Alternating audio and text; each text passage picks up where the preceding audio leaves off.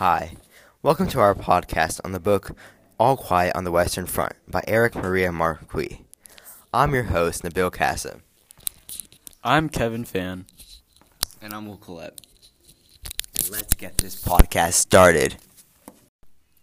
One passage that really sparked the conversation in our group was on page 16, where Eric Marie Remarque reads Muller reappears with a pair of airman's boots. They are fine English boots of soft yellow leather, which reach to the knees and lace up all the way.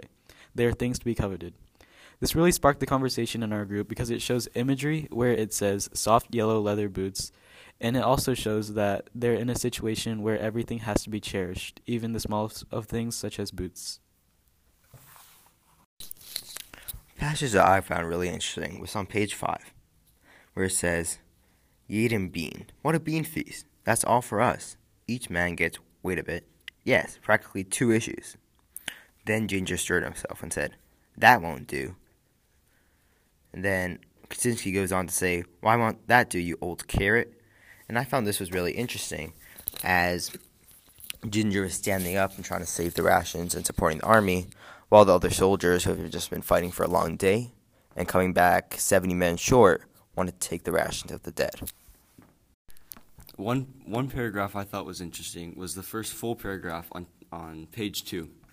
It says, "What's more important still is the issue of a double ration of smokes, 10 cigars, 20 cigarettes, and 2 quids of chew per man. Now that is decent. I have exchanged my chewing tobacco with Chis- for his cigarettes, which means I have 40 altogether. That's enough for a day. I think this is important because it introduces the culture of the book in the early parts of chapter 1 and it it kind of gives the reader a sense of what to expect for the rest of the book. The passage that I chose for the book is the first paragraph. In it, it says, Each man has another mess tin full for the evening, and what is more, there is a double ration of sausage and bread. This represents that like a lot of men died, so the men are getting more food than they've gotten before. So it's it's like happy for them, but it's also sad because a lot of their friends might have died. So it sets the tone. And it also says that he beckons with his ladle to everyone that passes and spoons out him out a great dollop. So the chef is even giving them a lot more food. I really agree with what Will said because it really shows the cultural background of the war and it shows what bad health issues they had. Yeah, and I think it just goes to show that the only issue wasn't the trenches, but rather the tobacco and other things that can cause lung cancer. I think I think Tjaden is my favorite developing character because he fights to uh, give them get them food. I kind of like uh, Ginger on page five because at first Ginger doesn't want to give them the, their food because he's like strict in following orders, which can show him as like a good person because he's like loyal. But then he eventually gives in to peer pressure, which kind of puts a negative connotation on his name because he wants he doesn't he falls into what others will say to him. And going, uh, Will, I'm actually have to disagree with you. I think Tjaden was being greedy and um, that he didn't need to ask for all that food because he really didn't need it. Kevin, what do you think about that? Uh, I actually agree with what you said, Nabil. He was actually being greedy, um, asking for the food and stuff. Yeah. All right.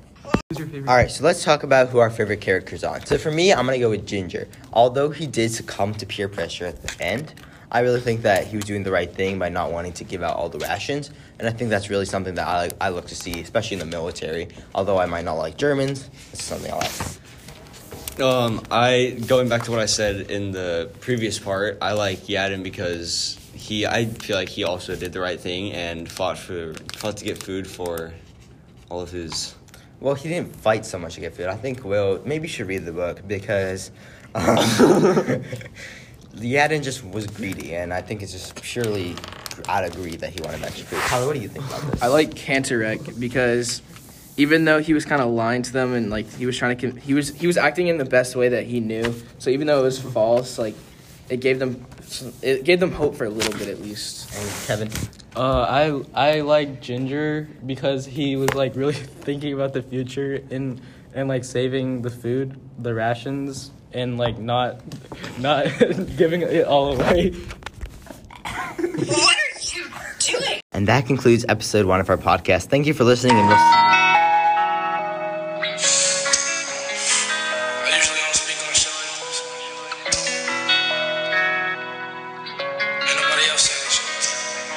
10 second to 10.